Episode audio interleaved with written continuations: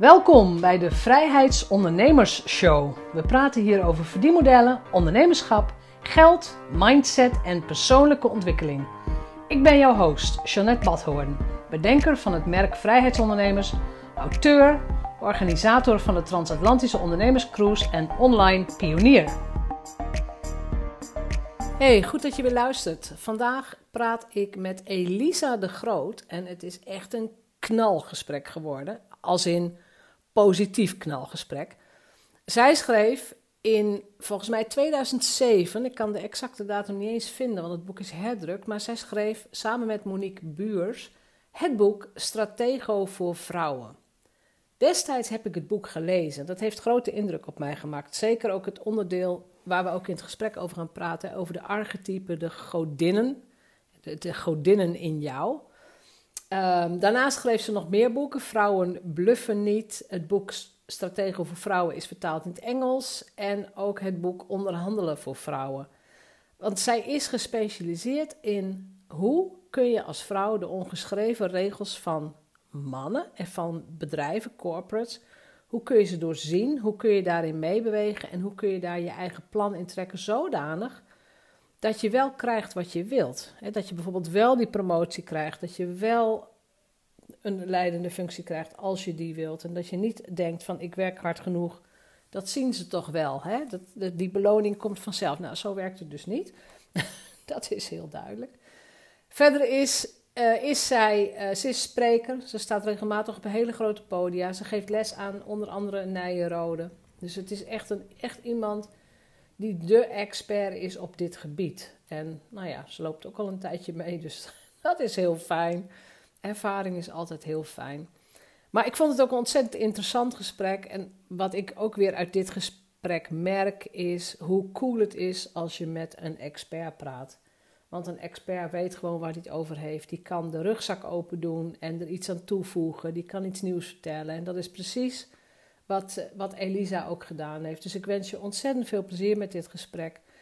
Um, ik denk ook dat je er wat van gaat leren. Ga ik wel van uit, want nog lang niet iedereen kent het boek Stratego voor Vrouwen. Heb je er nog nooit van gehoord? Ken je het boek helemaal nog niet? En heb je wel het idee dat, dat je door wilt breken, maar niet helemaal weet wat er aan mankeert? Bestel het boek. Leer ervan en omarm je eigen innerlijke godinnen, zoals dat heet. Veel plezier! Welkom en vandaag praat ik met Elisa de Groot. Welkom Elisa. Dankjewel Jeannette. Ja, en jij hebt ooit, we hebben in het voorgesprek al even uitgevonden, in 2007 een boek geschreven wat toen grote indruk op mij maakte. Stratego voor vrouwen. En de titel van het boek ben ik nooit vergeten. Dus vandaar dat wij ook vandaag met elkaar praten, want je bent auteur, ondernemer en je werkt ook al 23 jaar samen met dezelfde businesspartner. Dat klopt, ja, ja 23 jaar. We zijn gestart in uh, eh, 1997 met ons bureau. Dat is toch fantastisch? Ja, ja het is dus, geweldig. Ja. Ja, ja. ja, dus ik, ik, als, je het, eh, als je het leuk vindt, we praten gewoon over ondernemerschap. Misschien ook inderdaad, hoe doe je dat met z'n tweeën een bureau runnen? Uh, en natuurlijk over dit eerste boek en de boeken die daarna komen. Wat heeft het voor jullie bedrijf en wat heeft het voor jou persoonlijk betekend? Uh, want ik weet dat er heel veel mensen luisteren die ook heel graag boeken willen schrijven. En ja, ook gewoon door willen breken met een boek. Ja. ja. Nou, leuk. Ik kijk er naar uit. Ja. Als jij jezelf nu voorstelt op een netwerkbijeenkomst. Wat is het verschil tussen wat jij nu zegt, als je, als je zo'n pitch moet doen om het zo te zeggen, en wat je, mm, laten we zeggen, twintig jaar geleden zei? Ja, ik doe het. Nou, het, het, verschil zit hem natuurlijk vooral ook in de manier waarop uh, ik het doe. Hè. Dus uh, ik ben natuurlijk na 23 jaar wel uh, ja, gepokt en gemazeld, zullen we maar zeggen. En ja. kan met veel zelfvertrouwen mezelf neerzetten. Ja. wat ik echt wel heb moeten leren is om ook echt de credits te nemen voor wat je bereikt hebt. Hè. Dus ik zet mezelf ook wel neer als oprichter en directeur van uh, InTouch. Uh, inmiddels heten we Female Leadership and uh, Career Academy. Ja. en auteur van Stratego voor Vrouwen. En ik vertel daar ook bij dat het boek inmiddels meer dan 35.000 keer verkocht is. Dat zeg je ook gewoon, hè? Ja, Dat zeg Ja. ik gewoon tegenwoordig. En dat is iets wat ik twintig jaar geleden, toen hadden we het boek natuurlijk ook nog niet geschreven, maar dat ik toen nog niet gedurfd had, denk ik. Nee, toen was je sowieso misschien voorzichtiger in, in wat Ja. je zei. En, eh, Ja, maar je, je staat dan natuurlijk nog aan het begin van ondernemerschap. En eh, ja.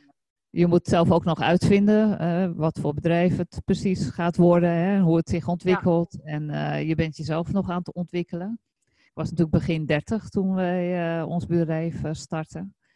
Ja. Dus ja, dat is wel heel anders dan als je natuurlijk op deze leeftijd wat meer seasoned bent. ja, I know. Lekker. Ik vind het ook zo lekker om Ja. ouder te worden. Ja. precies. Maar dat is wel leuk, want je was begin 30 toen je die. Er was ook meteen al de samenwerking. Ja, dat klopt. Ja, Als we heb- daar dus op induiken, wat was toen de reden om ondernemer te worden? Ja, ik werkte in de energiesector. En eh, ik ben daar, eh, ik heb daar in eerste instantie carrière gemaakt. Ik ben vrij jong gaan werken. Toen ik. eh, Ja, 16 heb ik ergens gehoord. ja, dat klopt. Ja, ik was 16 toen ik startte. En toen heb ik eerst een aantal jaren bij een machinefabriek gewerkt. En eh, toen ik eh, 19 was, bijna 20, toen ben ik in de energiesector eh, terechtgekomen. En ik zeg wel eens uh, gekscherend, ik ben begonnen op hetzelfde niveau als uh, de koffiejuffrouw. Die had je in die tijd nog, hè? Dat is zo'n, uh, Ja, ik weet het. Ja, ja mevrouw heb ik ook nog meegemaakt. Ja, een mevrouw die kwam dan met een kar eh, langs de afdelingen. En daar kon je dan koffie en thee vragen. En eh, nou, die Ja. kwam dan zo eh, drie keer per dag langs. En die zat En in Schouten. precies hoe je de koffie moest hebben. Ja, precies. Ja, er waren echt gouden medewerkers. Ja, ja, die was ingeschaald in schaal 3. En dat was ik dus ook toen ik startte. Ja. En eh, nou ja, goed, ik heb een aantal, eerst een aantal jaren op een financiële afdeling eh, gewerkt. En ben toen eh, heb de overstap gemaakt naar personeelszaken. ja. Dus ik heb vijf jaar, zeven jaar bij Young Resource Management gewerkt. En toen in de avonduren gestudeerd. Dus ik heb toen MBO, HBO, arbeidsmarktpolitiek en personeelsbeleid gedaan. En vervolgens ben ik een master in change management gaan doen. En ik heb toen ook eh, de overstap gemaakt van eh, eh, HR naar eh, organisatieadvieswerk. Nog steeds binnen die eh, eh, energiebranche, zeg maar. En ik heb toen die master gedaan en eh, inmiddels zat ik in schaal 13, dus ik was doorgegroeid van schaal 3 naar schaal 13. ja. En eh, toen keek ik om me heen en toen dacht ik, waar zijn eigenlijk alle vrouwen gebleven? En was dat je ineens over, als het ware. Je bent boven komen drijven. Ja, ja. En Ja. dat, eh, ik had ook een vrouwennetwerk met eh, Monique Buurs. En dat is mijn eh, zakenpartner geworden. Ja. Dus we hadden een netwerk met z'n tweeën. Want voor de rest waren er eigenlijk ja, nauwelijks vrouwen op, op de hogere functies. En Ja. nou ja, tijdens een van die netwerkbijeenkomsten hebben we toen besloten om voor onszelf te beginnen. En dat kwam eigenlijk omdat Monique die wilde een andere baan. ja. En ik zat bij een headhunter aan tafel. En Monique was controller binnen, eh, dat was toen Energie Noordwest, wat toen overgenomen werd door de Nuon. En zij was controller en eh, zij zat toen eh, in een sollicitatie voor, om controller bij de NS te worden. En toen zat ze aan tafel bij die headhunter en toen dacht ze, ja, of ik nou controller ben bij de NS of ik ben controller bij Energie Noordwest, eigenlijk gewoon hetzelfde. En daar heb Ja. ik eigenlijk in. En toen keek ze naar die headhunter en toen dacht ze, ja, dat werk wat jij doet, dat vind ik eigenlijk leuk. En dat kwam ook omdat Ah. wij waren eigenlijk al jaren bezig, eh, Monique en ik, om eh, andere vrouwen in beeld eh, te brengen.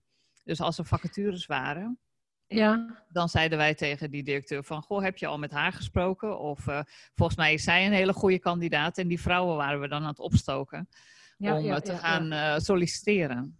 Waar kwam jouw drive vandaan op dat gebied? Ja, nou eigenlijk omdat ik echt wel vond dat er gewoon meer vrouwen. eh, ik vond het echt heel bizar dat hoe hoger ik kwam, hoe minder vrouwen daar werkten.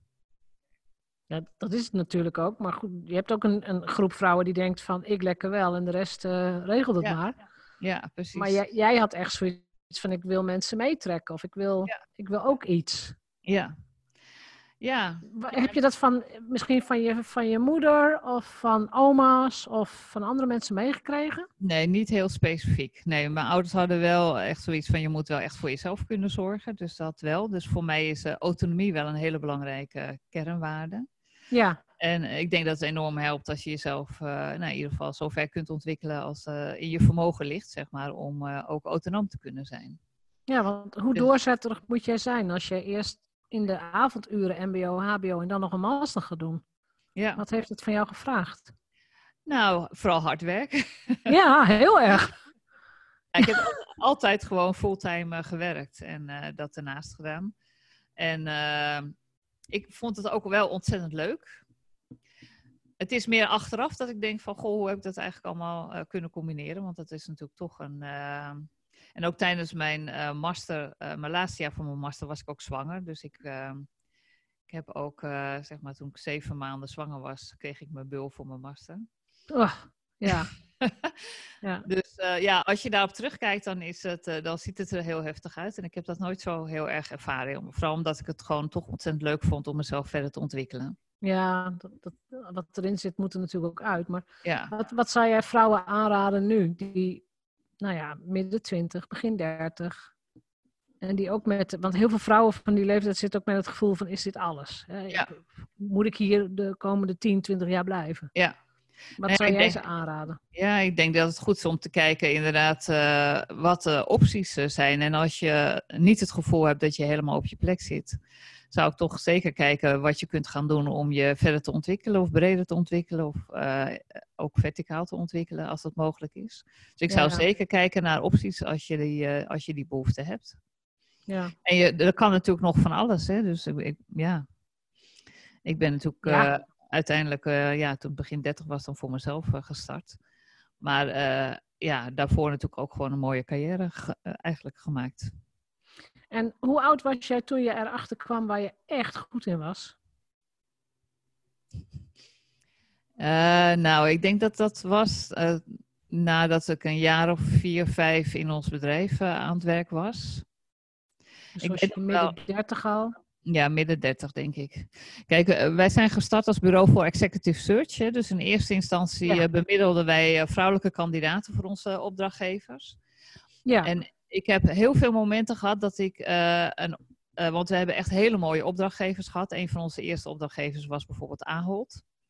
ja. Eh, nou, en zo hebben we echt heel veel mooie opdrachtgevers gehad. En er zijn heel veel momenten geweest dat ik een afspraak had hè, bij een opdrachtgever. En dat ik echt dacht van, nou, nu zit ik echt bij de top aan tafel. Dit is echt, weet je, als je het, eh, leiding geeft aan eh, zo'n groot bedrijf. En eh, dan is dit dus wel gewoon echt, dit zijn de echte leiders. Dit, hè, of, of echte professionals als het over HR-directeuren gaat.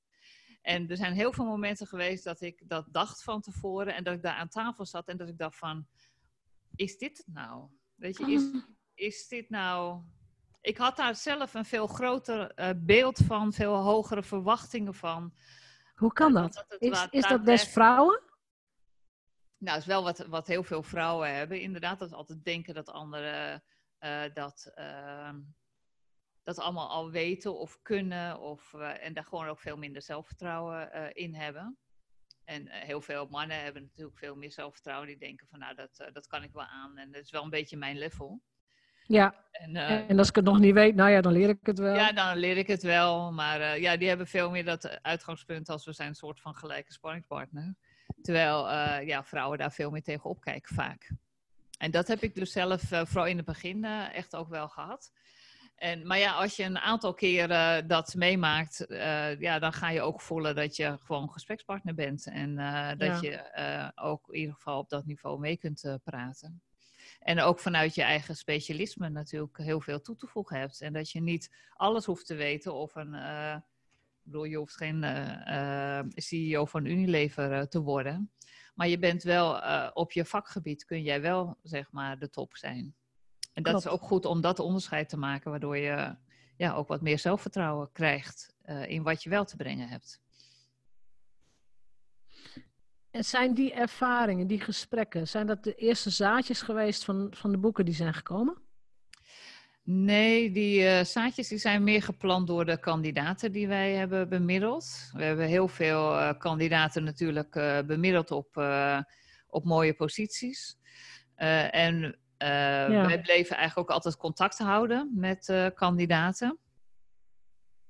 Als ze eenmaal geselecteerd Als- waren. Ja, als ze eenmaal eh, geplaatst waren bij onze opdrachtgevers, Ja. dan volgden we die kandidaten. En eh, we merkten eigenlijk na een aantal jaren dat vrouwen weer bij ons terugkwamen.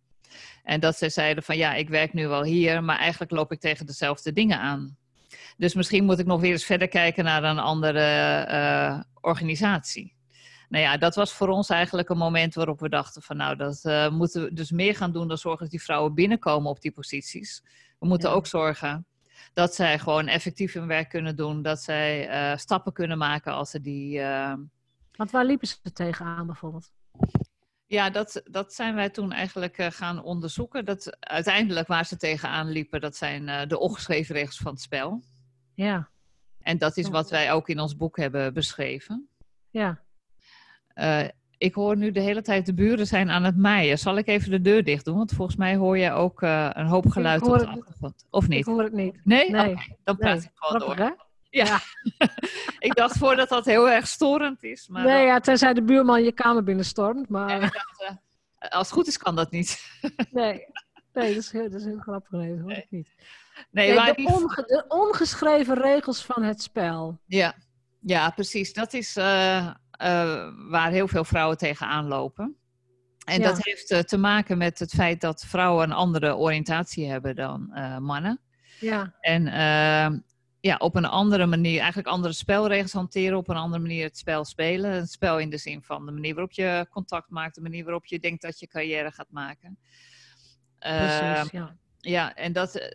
Kijk, dat, daar heb je dus nog geen last van zolang je aan het studeren bent. Hè? Want als je studeert, is het één op één eh, gerelateerd. Als jij je stinkende best doet en je leert alles uit je hoofd en je hebt eh, goede antwoorden, dan krijg je gewoon een 10. Hè? Dus dan Klopt. eh, Dan heb je ook alle eigen controle. ja, heb je alle Ja. controle over Ja. zeg maar de relatie tussen jouw inspanningen en de kwaliteit van wat je levert en het Ja. effect daarvan.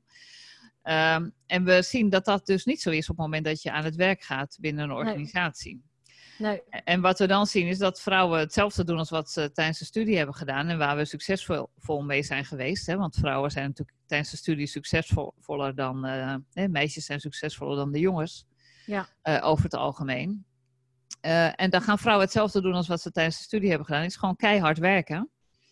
En een stinkende best doen en de goede antwoorden geven. En dan denken dat je daarmee carrière maakt. ja, en dan hopen dat iemand het ziet. Ja, en dan hopen Ja. dat iemand het ziet. En dat is eh, wat je merkt, is dat op het moment dat je dan eh, gaat werken, dat er dan ineens blijken de mensen carrière te maken waarvan jij denkt, die heeft helemaal niet zijn best gedaan. Ja, hoezo? Ja. Ja, die.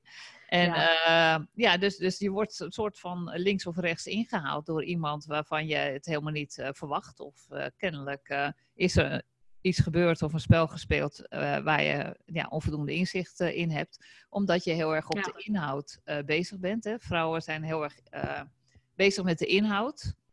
Terwijl ja, als het gaat binnen organisaties en het gaat over carrière maken, dan gaat het ook heel erg over het spel en of je in staat bent om het spel te spelen. Ja, En bij dat spel- weten hoe de hazen lopen Ja. en weten wie wie kent en weten wanneer ze gaan golfen. Of, ja. Ja. En bij dat Ja. spel horen inderdaad allerlei ongeschreven regels. Dus wat wij. wat, wat, eh, wat zijn de ongeschre- ongeschreven regels bijvoorbeeld? Wat die zijn? Ja, er zijn een heleboel ongeschreven regels. Ik denk dat Nou, er wel zo'n of 40 vier. zijn. Welke En- moeten we kennen? Nou, er zijn een paar die je echt eh, moet kennen. Nou ja, één is eh, eentje die eigenlijk iedereen of heel veel vrouwen wel eens heeft gehoord. Dat is je moet jezelf profileren. Ja, wij vragen ook wel eh, als wij eh, workshops of lezingen geven aan vrouwen van eh, ja, wie van jullie heeft wel eens gehoord dat ze zich meer moet profileren, dat ze meer zichtbaar moet zijn. Nou, dan is het 80% van de vrouwen die steekt haar hand op. Ja. Want bijna iedereen die krijgt dat wel te horen. En als je, ja, stel dat je dan vraagt van, goh, hoe doe je dat dan? Ja, dan zegt je baas waarschijnlijk, ja, ja, gewoon jezelf laten zien. En Ja, veel verder Ja, komen hoe doe je dat dan? Ja.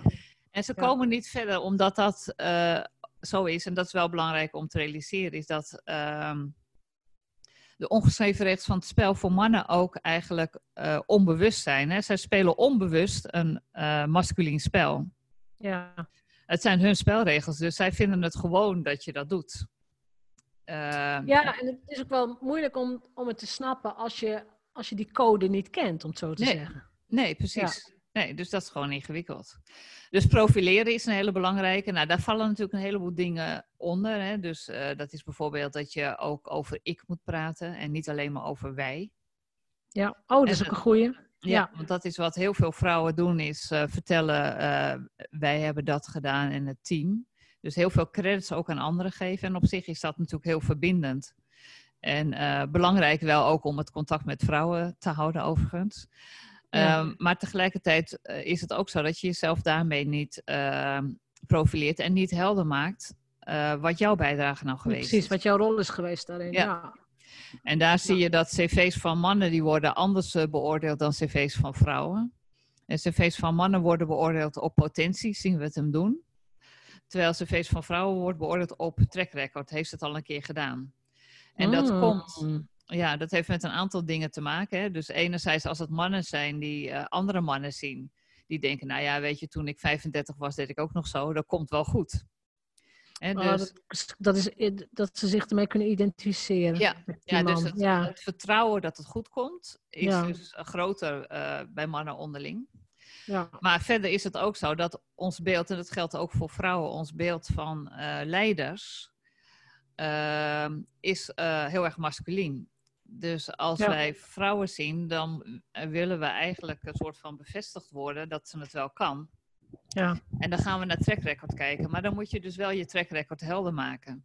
Ja, heel erg helder maken. Ja, en dat doe je dus onder andere door te vertellen... Uh, ik was uh, verantwoordelijk voor een afdeling uh, waarbij ik leiding gaf aan 150 medewerkers. Ik had een budget van zoveel miljoen. Ja. Ehm, ik heb, kwantificeren dus. Echt kwantificeren. En dat is ook een hele ja. goede tip om te geven... is dat je je cv ook op moet bouwen met resultaten. Klopt, Want, ja wat heel veel vrouwen doen, is vertellen in het cv welke activiteiten ze hebben gedaan. Hè? Dus die vertellen dan ja, waar ze allemaal bij betrokken zijn geweest en ehm, wat ze hebben gedaan. En ehm, tijdens dat wij nog executive search deden, dan noemde Monique en ik dat nog wel eens lekker bezig geweest cv's. Lekker bezig geweest cv's. Ja, dus uh, en dat is. baan was een soort tijdsvulling of zo. Ja, er staat dan in van nou, ik heb dat gedaan, ik heb dat gedaan, ik heb dat gedaan. Leuk! Nou, ja. het, is lekker, het is lekker bezig geweest. ja. maar wat en je dan gingen doen, jullie dan die kandidaat ook echt helpen? Van oké, okay, leuk dit cv, maar we gaan nu de re- resultaten omschrijven. Ja, precies. Ja. Dus dat zeiden we ook. ook. Uh, ja, we, hè, we willen je zeker gaan voorstellen aan uh, deze opdrachtgever. Maar je moet wel je cv aanpassen. En in feite moet je bij elke functie die je hebt gehad, moet je uh, omschrijven wat het resultaat daarvan is geweest. En dat doe je dus door te kwantificeren. Hè. Dus ik heb uh, uh, bijvoorbeeld de afdeling uitgebreid met 20 FTE. Of ik heb het, Ja. uh, de doorlooptijd van het uh, proces verkort met 20 dagen. Of de klanttevredenheid verhoogd met zoveel procent. Kijk, dat Nou ja. zijn resultaten. En daarmee zet je jezelf neer. Als ik dat vergelijk met eh, ondernemerschap, dat is gewoon marketing. Ja, precies. Ja, Marketing, je verkoopt ook op je resultaten. ja. is ja ook, is zeker. ook geen hobby in de zin van, Ja. goh, we gaan gezellig eens leuk of dat, dit of dat doen. Nee. Nee, klant wil ook een resultaat. Precies, dus als jij als ondernemer gaat acquireren, dan moet je ook je resultaten helder hebben. Hè? Want die Ja, ondernemer ja. die krijgt eh, een goed gevoel bij je, eh, dat hij jou inhuurt, dat het dan eh, goed komt, zeg maar. Dat het dan goed komt en dat er ook wel klanten zijn die dat zeggen. Hè, de, de, testimonials, de referenties zoals dat heet. Ja, precies. Ja, Een stratege voor vrouwen. Weet je nog het moment waarop jullie besloten dat het in een boek moest? ja, het is echt heel grappig, want uh, wij hebben het eigenlijk uh, ja, natuurlijk op een gegeven moment besloten, maar we zijn ervoor gevraagd door, Ja. de, door de uitgever. En dat, we hadden het namelijk niet zelf bedacht. Maar wij uh, gaven wel workshops al. Dat doen we sinds uh, 2002. Geven we al workshops uh, stratego voor vrouwen. En Die vervolgens een workshop heette ook al zo? ja, die workshop heette al zo. Ja. Ah, dus Ja. jullie hebben zelf ook die titel bedacht? Ja, ja. Ja, dus die titel was er eerder dan het boek, zeg maar. Ja, ja, ja. ja. En, en toen werden we gebeld op een gegeven moment door een uitgever. En die zei, uh, ja, ik heb van, nu van drie mensen gehoord uh, dat Stratego voor Vrouwen, dat dat uh, zo'n interessant verhaal is. En ik wil graag een boek over, nou, over dat onderwerp. ja. En willen jullie een boek gaan schrijven over wat jullie doen?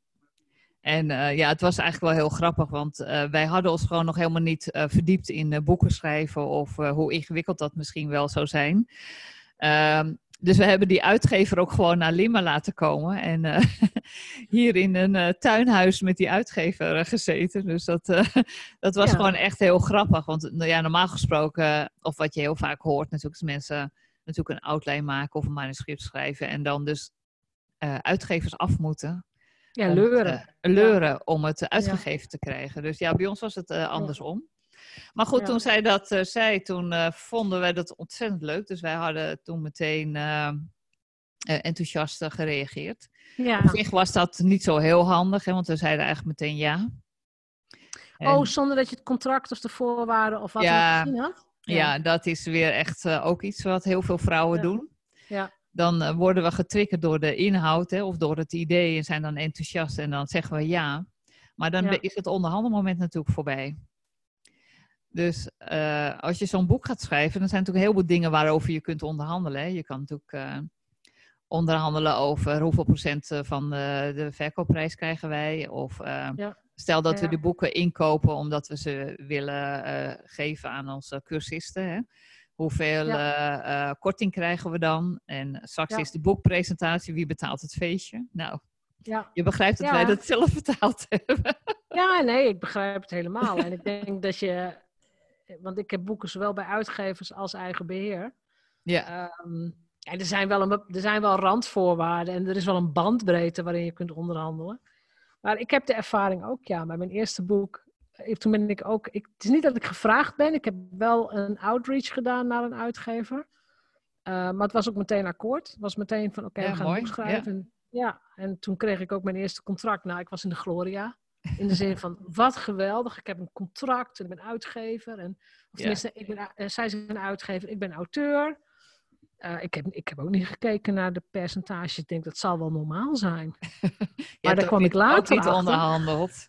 Nee, maar nee. ik kwam er later achter dat daar dus ook per uitgever verschil in zit. Ja. Uh, en dat er inderdaad bandbreedte is. Want op een gegeven moment ik weet niet of ze mee gaan luisteren natuurlijk. Op een gegeven moment ging ik, ging ik een boek met iemand anders schrijven. Uh, dus toen moesten wij ook de opbrengsten gaan delen. En toen, toen dacht ik ook, het, ik was er ook oprecht van overtuigd, dat ik inderdaad zei, ja, maar bij die andere uitgever krijg ik zoveel procent. Dus weet je, wij, wij willen zoveel procent en dan splitsen we dat met z'n tweeën. Nou, dat hebben ze aangepast. En toen keek ik naar het originele contract en toen dacht ik, nou, dat was helemaal niet zo. maar we hebben het wel gekregen. Je had meer gevraagd toen, ja. Ja, maar het grappige is, dat ik er ook echt oprecht van overtuigd was. Maar dat Terwijl is wel dat, ook een grappige ongeschreven regel is, namelijk het hoeft niet waar te zijn. Ja. en ja. dat is wat mannen dus heel erg hanteren. Die, die bluffen dus en die uh, doen er een schepje bovenop. En, uh, ja, ja. Ja. Ja, en ik heb dat dus onbewust een keer gedaan. En uh, nou, nou, kijk. Nou, nou prima, oké. Okay. Goed, uitge goed, uitgepakt. Goed uitgepakt. Maar dat is wel grappig dat je dat zegt, ja. Want het is, uh, het is echt niet in steen gebuiteld, nee. De voorwaarden van een uitgever. En, wat en wat ze verder nog voor je doen en wat er omheen ja. zit. Ja. Ja. ja, dus dat, dat is sowieso een, uh, een tip natuurlijk voor, uh, voor vrouwen. Als je ergens voor gevraagd wordt of, hè, of als je ook als je een offerte uit mag brengen als ondernemer bijvoorbeeld. Ja. Uh, ja, zeg dan gewoon van, uh, want soms proberen ze je natuurlijk al een uh, toezegging aan de telefoon te krijgen van hoeveel gaat het dan kosten en zo. Hè? Maar ja. voor je het weet heb je dat gewoon te laag ingezet. Dus je kan veel beter zeggen van, uh, nou ik, ik, moet er eventjes naar kijken en dan zet ik dat in de offerte. Klopt. Dat is trouwens ook een magisch woord. Hè? Als mensen jou ergens om vragen of ze willen met je samenwerken, vraag gewoon een paar vragen stellen en zeg oké, okay, ik heb genoeg gehoord, uh, waar kan ik de offerte naartoe sturen? Ja, precies. Ja. Dan ineens, bam, ja. lijkt, dan ineens wisselt ook de machtspositie of zo. Ja, ja precies. Van, oh, er komt een offerte. Uh, ja. Oké. Okay. Serieus, ja. Ja, en dan kun je rustig inderdaad eens gaan zitten en calculeren en offerte opbouwen. Ja. ja, precies. Ja, en ook als je ergens in een organisatie werkt en je wordt gevraagd... Uh, ja, koop altijd gewoon bedenktijd. Hè? Dus stel dat, uh, altijd. dat, dat ja. gebeurt heel vaak. Hè? Dan even in de wandelgangen van ja, ik had aan jou gedacht voor het uh, projectleiderschap en zo. Nou, voor je het weet uh, heb je ja gezegd. Terwijl, ja, voor, voor je het weet werk jij jezelf helemaal kapot. Ja, ja precies. Ja. Dus dat is ja. belangrijk om dan te zeggen, nou, wat fijn dat je me ervoor vraagt. ik ga er even over nadenken en ik kom er morgen op terug. Ja, nou ja, precies. Eh, Altijd bedenktijd vragen. En inderdaad zeggen, goh, zullen we er even rustig over gaan praten? Want mijn hoofd is nu bij de volgende meeting of wat dan ook. Ja. Dat is sowieso, dat is on- als ondernemer ook. En wat ook een gouden regel is, als ze jou vragen, dan zijn ze ook geïnteresseerd in je. Zo is Dan hoef je het. jezelf ook niet meer te, je hoeft jezelf niet meer te verkopen. Dat is het niet meer. Nee. Ja. Nee. Zullen we het boek eens induiken? Ja, dat is goed. Stratego voor vrouwen. Wat heeft, want hey, jullie zijn gevraagd, dat is leuk, jullie zijn gaan schrijven. Hoe lang heeft het geduurd voordat het klaar was? Eh, ja, al met al denk ik anderhalf jaar. Het is prachtig. Bijna iedereen doet er anderhalf jaar over, over zijn eerste boek. Ja? Echt Is serieus? dat zo? Ja. ja. Ik, want ik Ja. heb nu al heel veel auteurs gesproken. Ja. En eh, ik denk driekwart van, eh, van, van mijn auteurs, van de mensen die ik gesproken heb, ja, ongeveer anderhalf jaar. Ja. Ja. Ja, nou, en het tweede boek? Hoe, hoe, hoe snel ging het tweede boek? Ehm, ja, dat ging sneller. Dat was denk ik eh, een jaar of zo. Ja, Ja, Ja. of iets minder, misschien tien maanden. Ja. ja. ja. ja tweede boeken gaan vaak inderdaad eh, nou, zes tot acht maanden. Ja. nee, dat ging al veel makkelijker. Maar er zit ook wel verschil in wat voor soort boek het is. Hè? Het eerste boek is ook weer een ander soort boek dan het tweede boek. Dus Ja. Ja. Nou gemiddeld denk ik, ja, het eerste boek is gewoon het moeilijkste. Dan moet je het gewoon leren. ja, precies. Wat heeft dit boek voor jou als persoon betekend? Als mens? Als vrouw? Ehm, nou, heel veel. Eh, ik denk dat de belangrijkste winst in eerste instantie was ehm, dat ik veel diepgaander ehm, begrip heb gekregen voor ook voor de ongeschreven regels, zeg maar. Dus eh, ik had daar natuurlijk wel ideeën over. Ja. Dus het heeft Eh, jou zelf ontwikkeld? Maar het heeft mijzelf vooral ontwikkeld, omdat op het moment dat je het gaat opschrijven, dan, eh, dan moet het gewoon ook kloppen. En dan eh, moet je het ook onderbouwen en je moet relaties leggen. Ja. Dus het dwingt je heel erg om, om heel goed na te denken over hoe het dan precies zit. Dus je, je Ja. komt niet weg met, we gaven natuurlijk daarvoor ook wel workshops. Ehm, maar dan kan je er eh, natuurlijk eh, nog wel eens een beetje omheen praten of zo. Hè? Of eh, nog wat ja. voorbeelden geven. Of, ehm, eh, dus het heeft me wel vooral gebracht dat je, dat je veel diepgaander over het onderwerp moet nadenken. Om het echt Ja. goed ook te kunnen formuleren in een boek. Ja, ja dat vind, ik- vind ik ook een hele. Vind ik sowieso een heel mooi inzicht van mensen die boek geschreven hebben. Je wordt er zelf ook gewoon slimmer van. Van Ja, het precies. schrijven. Ja. Ja, ja. Dus dat heb je ook echt gemerkt. En wat heeft dit boek gedaan voor jou als ondernemer? Nou, eh, ook superveel. Het heeft ons bedrijf eigenlijk helemaal veranderd. We- ik zei al, we zijn gestart als bureau voor executive search. Eh, Ja. Maar toen het boek eh, uitkwam, toen was het... ehm, het was gelijk genomineerd voor Managementboek van het jaar in eh, 2008.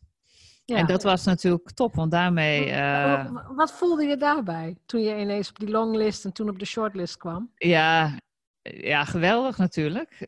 Ik, ik Ja. moet zeggen, wat ik heel spannend vond, was dat toen het boek uitkwam.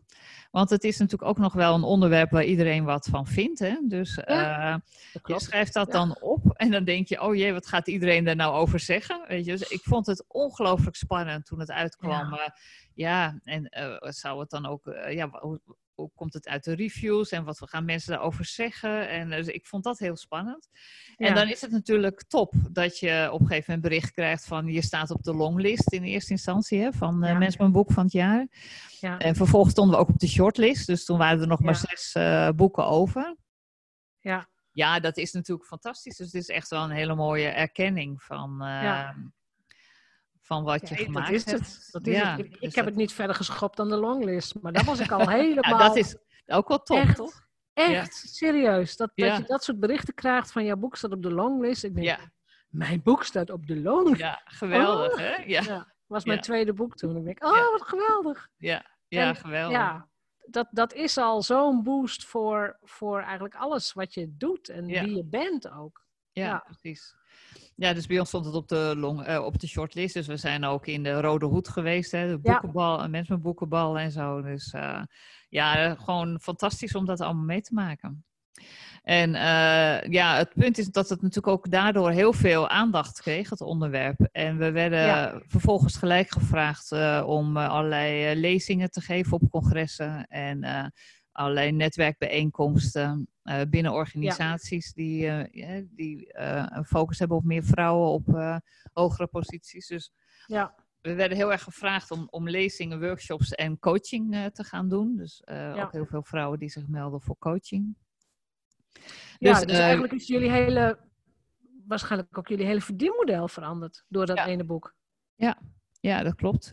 We zijn toen, uh, we hebben eerst nog een tijd hebben we het uh, executive search gecombineerd met uh, lezingen en trainingen geven, maar op een gegeven moment werd dat te veel. Dus we hebben toen twee vrouwen erbij gehad in het bedrijf die zich focusten dan op executive search. En de, wij bleven dus zeg maar dan de training en de lezing en de coaching doen. En op een gegeven moment uh, zijn die twee vrouwen zich ook weer, uh, die zijn overgegaan naar Van der Laan Co. En dat is onze alliantiepartner geworden, dus wij werken samen met hun. Oké. Dus zij doen de executive search en wij doen de persoonlijke en organisatieontwikkeling. En dus ja, dat is gewoon heel anders geworden. Dus search doen heel anders geworden. Ja, search doen we niet meer, maar wel nog natuurlijk ja, lezingen en workshops en coaching en een masterclass. We hebben inmiddels, dat was trouwens ook wel heel mooi, uh, ook in 2007 de masterclass uh, Strategen voor Vrouwen ontwikkeld. Ja. Uh, en dat was ook naar aanleiding van het boek. Want Lily Hartemink, die is dat jaar benoemd tot vrouwelijk, vrouwelijk manager van het jaar. Ja. En in de aanloop daartoe, toen uh, werd ze steeds geïnterviewd van, goh, waarom zou jij nou uh, die positie verdienen? Hè? Of waarom zou jij daarvoor gekozen worden? En toen heeft zij steeds gezegd, ja, als ik het word, dan ga ik vijf vrouwen uh, coachen die de stap moeten maken naar een bestuursfunctie uh, in de zorgsector in Nederland. Dus dat heeft zij steeds tegen iedereen gezegd. En vervolgens werd zij dus benoemd tot vrouwelijk manager. En toen dacht zij, ja hoe ga ik dat in godsnaam doen, die vijf vrouwen coachen? Want ja, dat had ze wel gezegd, maar ze had nog geen idee hoe ze dat moest gaan doen. Maar dat is ook iets wat mannen dus heel gemakkelijk doen. Absoluut. En vrouwen hebben dat van tevoren al helemaal uitgedacht, maar zij heeft dus gewoon echt de aanpak gekozen. Ik zie wel. Ja, zeker. Zij is strategisch ook echt heel slim. En uh, zij dacht, ik ga dat gewoon zeggen en dan zie ik het wel. en, maar, en dat is ook zo, hè? Ja, en, en dan is het ook zo. Dan kan je het ook gaan regelen natuurlijk. Ja. En uh, de, toevallig was er, uh, precies op de dag dat ons boek uitkwam, was er ook een pagina groot uh, verhaal over, dat heette Slim Spel in de Wandelgang. En dat was nog een pagina groot verhaal in het FD, ja. over Stratego voor Vrouwen. En dat kwam dus uit precies op de dag dat het boek uitkwam, dus ook dat was natuurlijk fantastisch. Ja. en dat Toeval bestaat niet, hè? Nee. En dat had zij gelezen. En uh, toen heeft zij dus contact met ons opgenomen. En toen heeft zij gezegd van ja, ik heb dat beloofd, dus ik ga dat ook doen. Dus willen jullie een uh, programma maken om uh, te zorgen dat vijf vrouwen die nu nog op managementposities werken in de zorgsector in Nederland, dat die de stap gaan maken naar besturen. Ja. Dus uiteindelijk hebben wij haar toen geholpen met de selectie van die. zij heeft geadverteerd landelijk in de media om daar vrouwen voor te trekken voor het programma.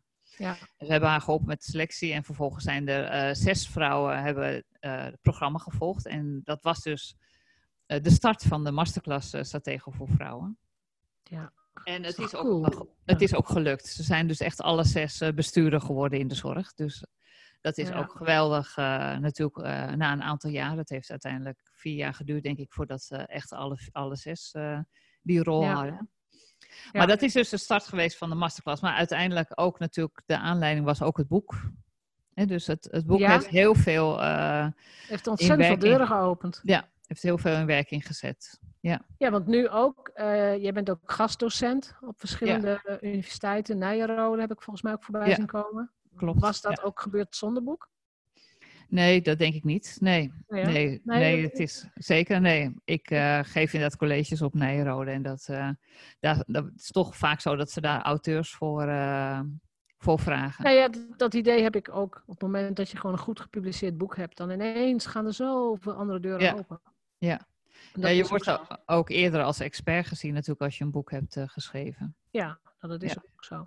Ja. Als we nou het boek eens induiken, hè, Strategen voor vrouwen, ja, dat is, het is natuurlijk te dik om dit helemaal te bespreken. Maar jullie pakken ook invalshoeken die op zich best, vind ik, best grappig zijn. Hè, over goden en godinnen. Ja.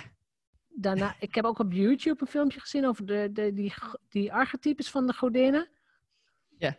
Hoe, hoe, is dat in jullie, in jullie kennisveld gekomen, of in jouw kennisveld gekomen?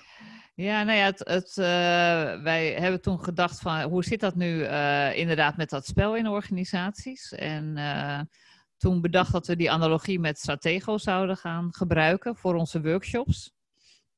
Ja. En toen hebben we bedacht van ja, dan gaat het dus over de ongeschreven regels van het spel. Maar dan moeten we dat dus breder eh, neerzetten. Dan gaat het dus ook over spelers in het spel. Spelers, ja. En het gaat dan over het speelveld zelf. Dus dan heb je het over eh, krachtenveldanalyses. Hè? Dus hoe zit mijn speelveld in elkaar? ja. Eh, met welke spelers heb ik te maken en wat voor spelspelen dienen we eigenlijk? Dus dat is eigenlijk, ja, toen wij verder zijn gaan denken over hoe geven we dat, voor, dat boek vorm. Ja. Ehm, ja, is dat ehm, ja, eigenlijk eh, op die manier ontstaan. En vervolgens zijn we gaan kijken van, en hoe gaan we die spelers dan typeren? Want ja, als je strategisch om wilt gaan met spelers in het spel, dan moet er een manier zijn om daar eh, naar te kijken. En eh, ja, ook te bedenken hoe je daar dan strategisch mee omgaat. Oké, en toen- Stratego is lang geleden dat ik, dat ik dat gespeeld heb hoor, maar dat, dat is echt heel militair. Ja, dat is heel militair. Dus het is ook natuurlijk met een knipoog naar. eh, Ja, eh, naar hè, dus eh, daar heb je natuurlijk een mineur en een generaal, et Ja. cetera. ja, en een vlag en, Ja. en bommen. zijn- En, ja. Zijn overigens allemaal mannen waren het. Tot, totdat een aantal jaren na het uitkomen van het boek is de vrouw is een of de spion is een vrouw geworden. Oh, lekker dan. Dus de eerste, de eerste speler is, eh, de eerste vrouwelijke speler is eh, de spion eh, geworden. Maar er was, daarvoor waren het alleen maar mannen. Ja. Ja. Ja, het, ja, het is ook een, ik weet niet wat het is, een spel wat mij niet zo kon bekoren of zo, weet ik niet. Nee. Maar ik snap, ik snap wel dat het leuk is. Dat snap ik Nou, en heel veel vrouwen Maar vinden waar het... kwamen die goden en godinnen Ja. dan vandaan bijvoorbeeld? Nou ja, dat is dus gebaseerd op theorie van Jung. Ja. En je hebt- Van jong. Ja, en die eh, heeft dus allerlei archetypes, eh, zeg Ja. maar, eh, geschetst. Die bepaalde kenmerken hebben. En een combinatie van kenmerken. Die Ja. bij bepaalde archetypes voorkomen. En dit is eigenlijk de enige indeling van spelers. waarbij een onderscheid wordt gemaakt tussen goden en godinnen. Dus tussen mannen en vrouwen. Ja. Dus ja, dat was natuurlijk voor ons interessant om dat te gaan gebruiken. En wat ik er ook interessant aan vind, is dat je, je die spelers, dat je die ook ehm, vrij makkelijk kunt herkennen. Je hebt eh, natuurlijk ook eh, MBTI en dat soort eh, indelingen.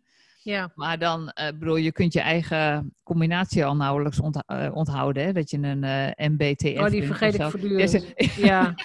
ja, dus laat Die staan dat je iemand kunt herkennen, zeg maar. Terwijl als je kijkt Ja. naar die archetypen, ja. dat is iets wat gewoon heel menselijk is en wat wij heel erg voelen als mensen. Dus je kunt die archetypen, die kun je ook heel goed herkennen eh, in je collega's. En daarmee kun je ze inschatten en kun je ook eh, meer strategisch omgaan met, eh, ja, met je, je klanten, bijvoorbeeld met je opdrachtgevers of met je collega's Ja. waar je mee te maken hebt.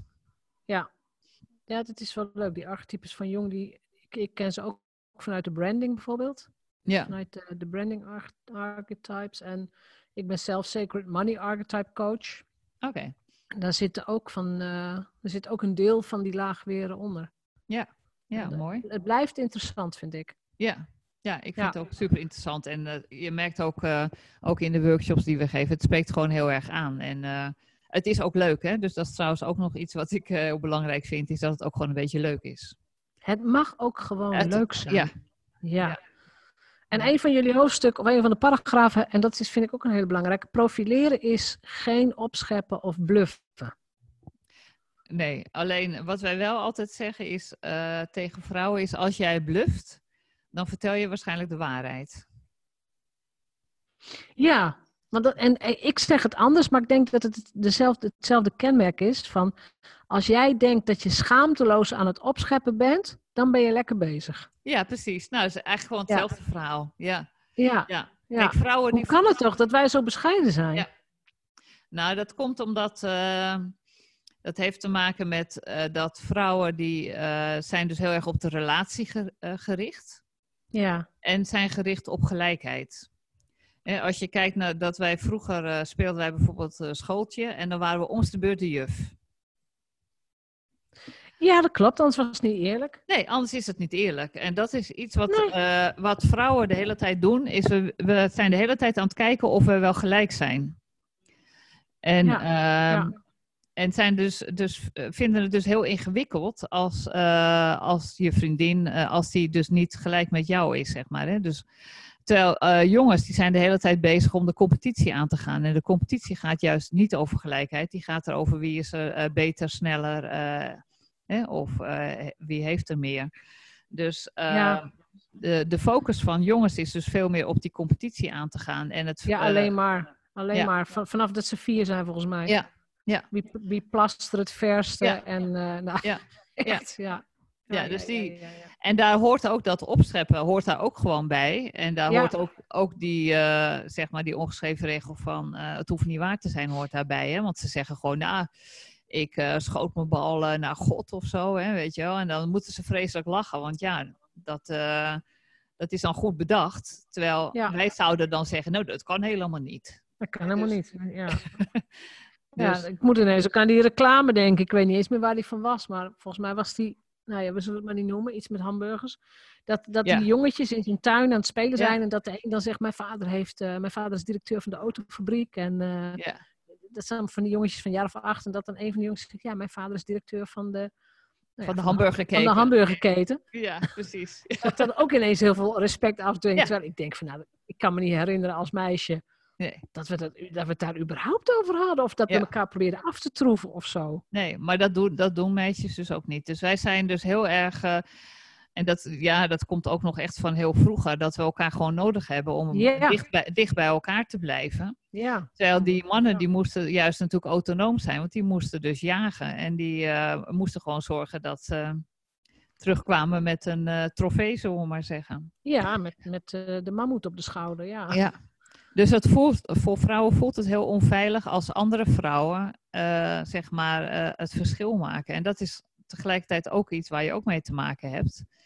Ja, en dan dat... komt die krabbenmand. Ja, ja. Oh, is op, op het moment dat jij die, stel dat je die ongeschreven regels, hè, dat je die uh, dan leert en je denkt, oh ja, nou dan ga ik dat ook eens doen. Hè. Dus ik ga eens even mijn resultaten allemaal in mijn cv zetten en uh, ik ga uh, het podium nemen en ja, ik ga zeggen dat ik ambitieus ben en dat ik, ja, dat ik wel directeur hier wil worden. Nou ja, dus dan ga je dat soort zaken doen dan heb je grote kans dat andere vrouwen denken van wat ben jij nou aan het doen? En je, bent, uh, je bent nu uh, afstand aan het nemen van ons. En dan willen die andere vrouwen, die willen je graag terughalen in die gelijkheid. En dat is inderdaad het effect van uh, krabbelmand. Dat is die krabbelmand. Ja. En, en, en, en hoe beschrijf jij de queen bee? Uh, nou, wat je eigenlijk ziet is dat uh, op het moment dat je uh, als vrouw voelt dat anderen uh, aan je poten zitten te trekken, zeg maar. Hè? Dus jij, jij bent ja. bezig met uh, carrière maken en uh, nou, je moet misschien wel eens dingen doen die ook een beetje buiten je comfortzone liggen. Als ze dan ondertussen ook nog merkt dat, dat er over je gerold wordt en vrouwen negatief over jou dingen zeggen. Ja. Dan heb je grote kans dat je denkt van nou, laat dan maar even zitten, zoek het maar uit. Hè? Dus dat je eigenlijk ja. die vrouwen eerder van je aftrapt. Ja. Uh, en dan denkt, nou dan ga ik wel alleen omhoog. Hè? En dat is dan uh, de queen bee. Dus ik denk dus dat de queen, de queen bee ja. vooral ontstaat door, uh, door krabbenmandgedrag. Want op het moment dat vrouwen elkaar omhoog helpen, dan hoef je ook niet een queen bee te zijn. Nee, dus het is eigenlijk helemaal geen geuzetitel. Want ik weet nee. dat sommige vrouwen hem gebruiken als een soort geuzetitel van we all have to be a queen bee. En ik denk, huh? Ja. Je kunt toch niet, ja, weet je, nee. überhaupt, je kunt niet allemaal een bijenkoningin zijn die nee, achteroverleunt en, uh, ja, en, en het volk doet alles of zo. Dat, ja, nee, uh, precies. Nee. Ja. nee, ik denk dat het uh, gewoon een effect is van de krabbenmand, dat vrouwen zich soms zo gaan gedragen. Ja. En uh, dat is gewoon ingewikkeld. En vrouwen hebben gewoon een ingewikkelde opgave. Want ze moeten gewoon veel meer lijnen managen dan uh, mannen dat doen. Hè? Want vrouwen die moeten en een spel spelen, vooralsnog. Hè? Uh, in een systeem wat uh, anders in elkaar zit dan wat van nature dicht bij ze ligt, laat ik het zo zeggen. Ja, Nou, ja. en, dan, en dan is het zo dat eh, vrouwen moeten ook de verbinding met andere vrouwen houden. Dus je moet eh, Ja. echt veel aandacht besteden aan de relatie met andere vrouwen. ja. Eh, en dan voor mannen is het zo dat eh, die dan ook nog vinden dat vrouwen ook nog een beetje vrouwelijk moeten zijn. Hè? Dus eh, er moet ook nog wel een beetje show aan zitten. Dus het zijn Ja, eigenlijk. nou dat is een hele andere discussie inderdaad, ja. Ja, Maar het zijn dus drie opgaven die vrouwen te doen hebben. Terwijl mannen die kunnen gewoon eh, hun eigen spel spelen en die gaan gewoon omhoog. En eh, die hebben dus ook gewoon geen last van al die bias en eh, ook geen Nee. last van andere vrouwen. en die ze- hoeven niet op, op hoge hakken door een kantoor en die worden niet aan de kont gezeten en Ja. nee. Ja. Nee. Dus het is een driedubbele opgave. Dus ja, wij, wij spreken altijd af met alle vrouwen voor wie we spreken dat, eh, dat we het krabbenmand gewoon niet meer doen. En je mag wel iets vinden, maar zeg het gewoon niet meer hardop. Want je helpt andere vrouwen, eh, of je trekt die alleen maar naar beneden. En we Ja. kunnen veel beter andere vrouwen ook omhoog helpen. Want eh, ja. Ja. met hoe meer vrouwen we ook op hogere posities zijn, hoe meer we ook het spel kunnen veranderen. Hè? Of, Ja. niet dat, en niet dat eh, alleen maar de feminine kwaliteiten beter zijn, of de feminine spelregels. Maar het gaat er wel om dat er waardering is voor beide manieren van werken. Ja, Maar Nou die ja, komt er alleen maar als je wel met, met meer vrouwen op die hogere posities terechtkomt. precies. En, en sowieso, je moet elkaar helpen. Dat is, Ja. weet je, als, je samen, als je samen, ook als ondernemers, als je samen werkt en je stimuleert elkaar en, en, je, en je deelt elkaars content of Ja, weet, je precies. promoot elkaar, dan word je er allemaal beter van. Ja, zo is dat. Ja. Ja. Ja. En wat is, want dat vond ik wel een, een leuke paragraaf in jullie boek, de relatie tussen archetypen en, en de krabbenmand. Ja, je Zijn, hebt... er eh, zijn, ja, zijn er archetypen die daar gevoeliger voor zijn of hoe moet ik dat zien? Ja. Ja, dat is interessant. Je hebt eh, verschillende eh, archetypische godinnen. Eén daarvan is Athena. En Athena is eh, de topvrouw. En Athena is degene die het spel eh, strategisch speelt. En die is ook heel pragmatisch in de zin van, nou, als ik het niet linksom kan bereiken, dan doe ik het gewoon rechtsom. Ja, ja, en ja. Athena die voelt zich heel erg thuis in een eh, mannencultuur. En ja, die kan ook de neiging hebben van, nou, geef mij maar gewoon even die ongeschreven regels, want dan doe ik dat morgen gewoon zo. Ja, ja, ja, ja. Dus een Athena die, die voelt zich daar verder uh, senang bij, heeft daar verder ook geen last van. Die heeft ook niet zoveel last van wat andere mensen van haar vinden, bijvoorbeeld. Uh, en een Athena heeft dus de meeste kans uh, dat, ze een, uh, dat ze last krijgt van een krabbelmand. omdat zij zich natuurlijk heel autonoom gedraagt. Ja, is, is dat bewust of onbewust? Nou, dat kan beide zijn. Kijk, er zijn, uh, kijk, die archetypes, dat is voor een deel is dat uh, hoe je geboren bent en voor een deel is dat hoe je uh, jezelf ontwikkeld hebt. Hè? Dus het gaat ook over hoe je opgevoed bent of welke studie je hebt gedaan, welke archetype nou het meest dominant is. Ja. Maar er zijn vrouwen die zich prima op hun gemak voelen bij een, het archetype Athena, zeg maar, en bij dat gedrag. En Ja. een Athena is natuurlijk heel erg strategisch, dus die zet dat gedrag ook heel bewust in.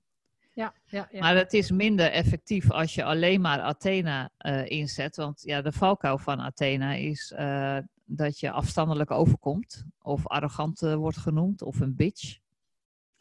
ja, maar goed, die zijn er natuurlijk wel genoeg. Ja, zeker. Ja, ik, ik, herken ze wel. Ja. ja.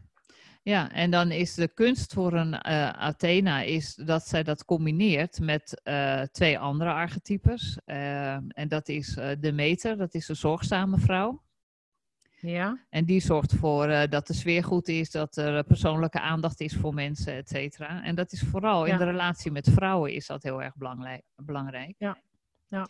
Dus en het moment dat je dus die archetypes combineert, dan krijg je, kom je dus niet in die valkuil terecht. Dus als jij een Athena bent, dus je bent heel strategisch en krachtig en je speelt het spel, maar tegelijkertijd heb je ook uh, aandacht voor de sfeer en geef je mensen persoonlijke aandacht, dan, kom, dan ben je niet afstandelijk of dan ben je geen bitch. Nee, en gemiddeld genomen, het klinkt natuurlijk wel heel raar, maar als je een team hebt, het is altijd heel fijn als er één iemand, en als het in dit geval die vrouw is, die de Athena-rol heeft, maar dat één iemand gewoon dat team ook gewoon goed leidt. Ja, met, ja zeker. Met begrip voor iedereen, maar ook met uh, hoe lopen de hazen en hoe Ja. spelen wij het spel. Zeker. Je hebt het, Athena heb je eigenlijk ook gewoon nodig om uh, een leider te zijn. Dus dat Ja. is een heel belangrijk archetype. Dus dat moet Ja. je zeker ook laten zien. Ja. Dus strategisch leiderschap, zorgzaamheid. Welke nog En- meer? Want je zei, er is nog een archetype. Ja, dat is uh, Afrodite. Dat is eh, het eh, archetype wat daar vrouwelijke charmes eh, inzet. Ja. Ehm, en dan moet je niet denken aan de decolletés en eh, eh, korte rokken, zeg maar. Maar wel, eh, een Afrodite is iemand die eh, met veel energie eh, de ruimte binnenkomt. eh, veel complimenten geeft. Dus een eh Afrodite is iemand die op die manier eh, aandacht ook aan andere mensen geeft.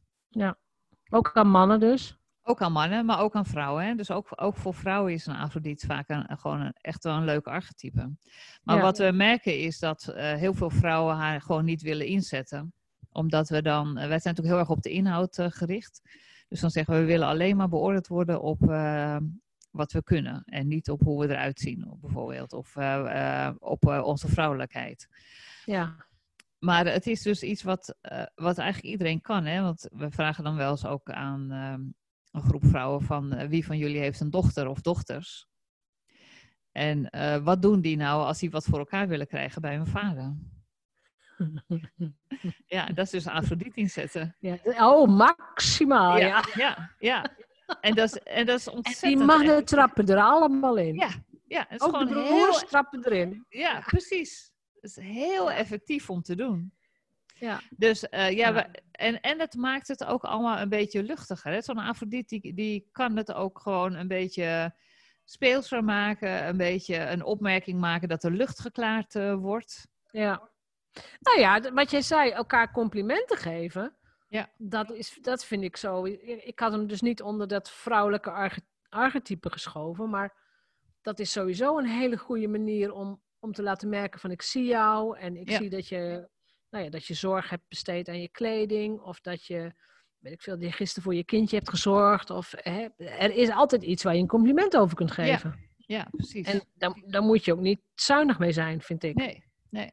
Nee. En dat is wat Afrodite dus heel erg makkelijk doet. Die, die bedenkt altijd van, goh, wat kan ik nou eh, eens even eh, voor aardigs tegen iemand zeggen.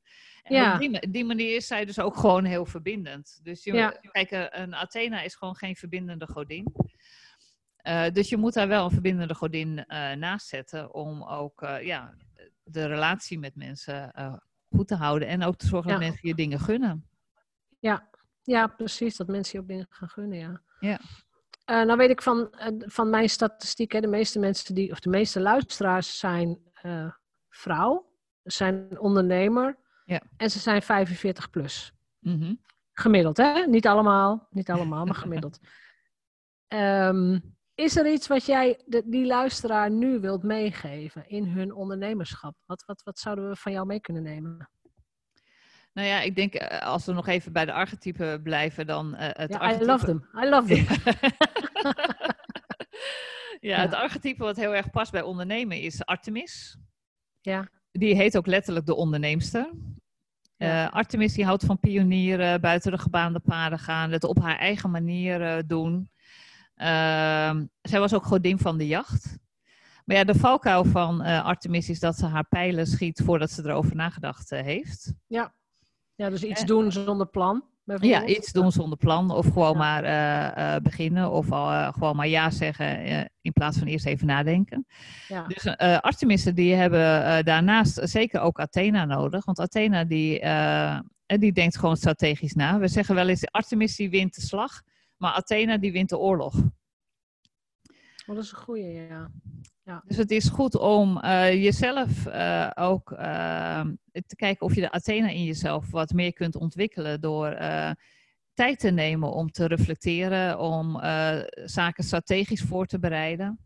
ja. Dus En van tevoren na te ook denken. Een, een goede coach aan je zijde hebben, ja, bijvoorbeeld. ja, zeker. Dus ook gewoon Heb heel jij, slim. heb, je, heb jij je laten coachen bijvoorbeeld zelf ook? Of laat je je nog steeds coachen? Ik eh, laat mezelf nog steeds coachen. Ja. Ja? Ik heb van mijn eh, masteropleiding heb ik een, eh, een intervisiegroep. En Ja. we zijn nog, komen nog steeds vier keer per jaar bij elkaar. En dan word ik in ieder geval altijd nog gecoacht. Ja.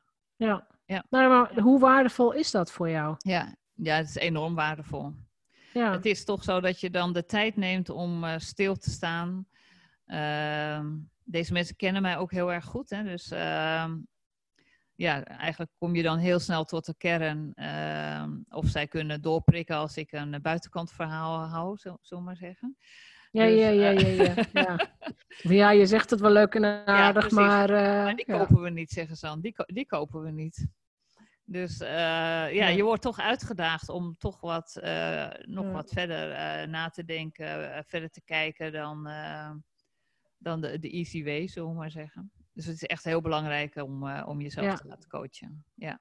En je wordt er elke keer alleen maar beter van. Ja, maar dat is wel echt een, echt een belangrijke. Ik ben het helemaal met je eens. Ik heb soms wel twee coaches tegelijk op Ja. verschillende vlakken. Ja. Ehm, maar er zijn nog steeds ontzettend veel ondernemers die denken van ja, maar ik moet alles alleen doen. Of dit moet ik toch kunnen. Of Nou, dat is ook een, eh, dat is ook een onderdeel van Artemis. Hè? Artemis die, die denkt ook dat ze alles eh, kan, zeg maar. Dus, eh, ha, dus het, het zit gewoon in je, in je archetype. Het zit heel erg in je archetype, ja. En dat is belangrijk om je daar gewoon bewust eh, van te zijn. En een ander ding wat ook heel erg bij Artemis hoort is eh, openheid, eerlijkheid en transparantie. Dat zijn Ja. de belangrijkste waarden van eh, Artemis. Eh, maar ook dat is belangrijk om je te realiseren dat de wereld niet altijd open, eerlijk en transparant is. Nee, Dus het is goed om te, om te zien hoe de wereld in elkaar zit en hoe je daar voor jezelf mee om eh, wilt gaan. En veel Artemissen die zeggen ook wel, en dat horen wij natuurlijk regelmatig, van ja, moet ik me dan aanpassen? En ik heb geen zin om een spel te gaan spelen. Nou, dat is echt heel erg Artemis om dat te zeggen of te denken. dat is de reden dat ik ondernemer ben geworden. ja, dat Denk je? klopt. Ja, maar ook als ondernemer heb je natuurlijk te maken met eh, opdrachtgevers, eh, waar deze ongeschreven regels ook een eh, rol spelen. Ja, dat hangt van, van je soort bedrijf af, denk ik. Ja, ja. Ja, En wel wat minder natuurlijk als dat je in een bedrijf zelf eh, werkt. Ja. Maar ja, wat wij altijd zeggen is, eh, die ongeschreven regels, het helpt gewoon om sneller van A naar B te komen. Dus om sneller opdrachten te krijgen of eh, effectiever je werk te kunnen doen. Ja. En je kunt het eigenlijk vergelijken met leren fietsen. Kijk, toen wij een jaar of drie of vier waren, dan moesten we natuurlijk ook, moest je vader of moeder achter je aanlopen eh, als de zijwieltjes eraf gingen. Ja. Eh, maar ja, je kunt nu eenmaal eh, sneller van A naar B komen als je kunt fietsen. En dan kun je wel gaan zeggen, ja, het is niet authentiek eh, om te leren fietsen. Want ja, we zijn op de wereld gekomen met twee benen en niet met een fiets.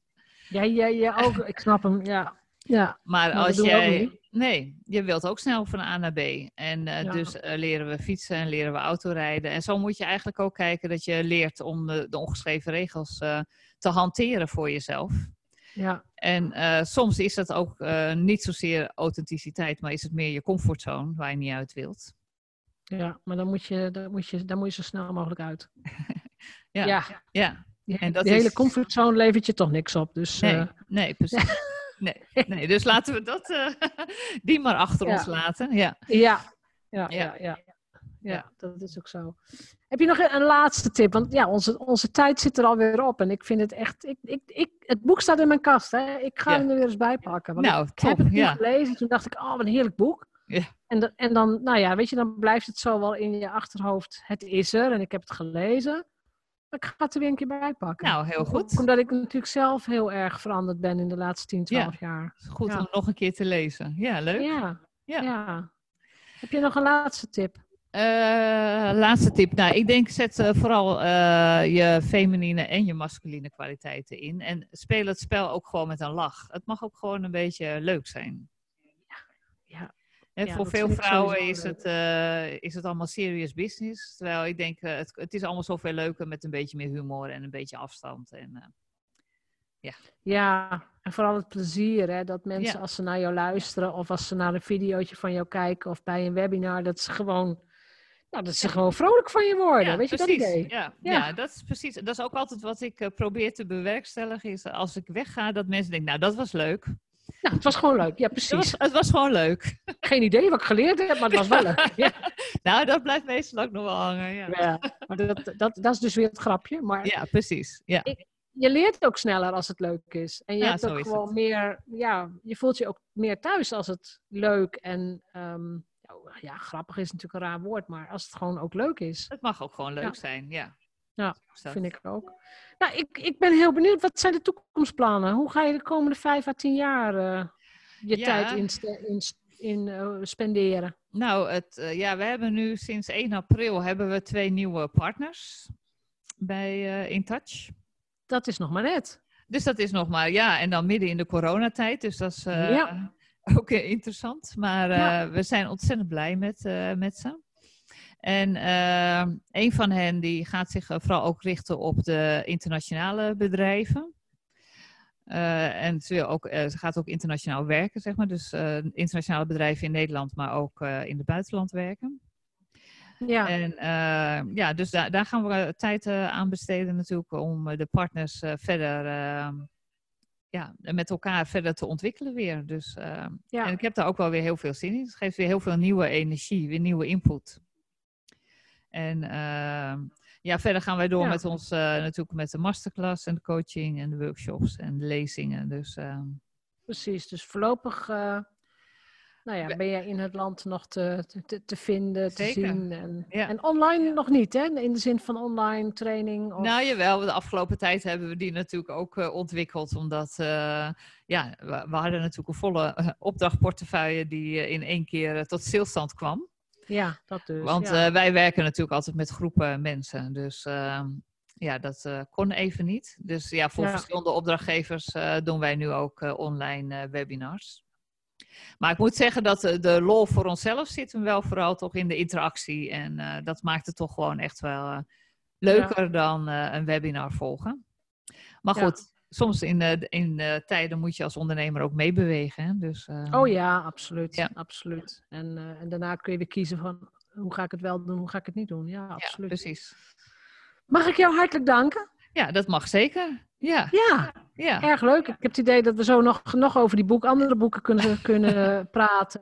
Over dat, hè, dat, dat magische verschil tussen mannen en vrouwen. Maar goed, weet je, mensen Ja. moeten het boek zelf ook maar lezen dan. Ja, ze mogen het boek lezen. Ze kunnen op onze website eh, kijken, eh intouchwrm.nl. Ja, ik zal het ook in eh, de show notes eh, zetten. En ik zal ook de linkjes naar de boeken, of even een link naar managementboek of zo. Ja. Zal ik het er ook Nou bij ja. zetten. En Ja. ja. ja, mochten de vrouwen geïnteresseerd zijn in eh, coaching of eh, een eendaagse workshop, doen we ook met open inschrijving. En de masterclass beginnen we weer eind oktober. Dus mocht je geïnteresseerd zijn, dan eh kun je altijd Ik zal het contact opnemen. Ja, Ja. top. Nou, Helemaal goed. Dankjewel goed. voor je inzichten en dankjewel voor het schrijven van de boeken. nou, heel graag gedaan. Echt heel waardevol dat mensen boek, goede boeken schrijven. Dat blijft gewoon een. Want ik weet hoeveel werk het is. Hè? Dus het blijft iets waar, waar je dankbaar voor moet zijn. En ehm, dan, nou ja, dan horen we wel weer van jou. Ja, zeker. Nou, Ja. dankjewel voor het eh, prettige gesprek. Leuk. Leuk om je zo te spreken. Ja, absoluut. Dankjewel. Oké, dankjewel. Bedankt voor het luisteren naar de Vrijheidsondernemers Show. Geef de show een review op iTunes. Als vrijheidsondernemer werk je waar, wanneer en met wie jij wilt. Dat gun ik jou ook. Ik weet dat het kan. En bij de juiste keuzes is vrijheid ook voor jou mogelijk. Op jouw vrijheid!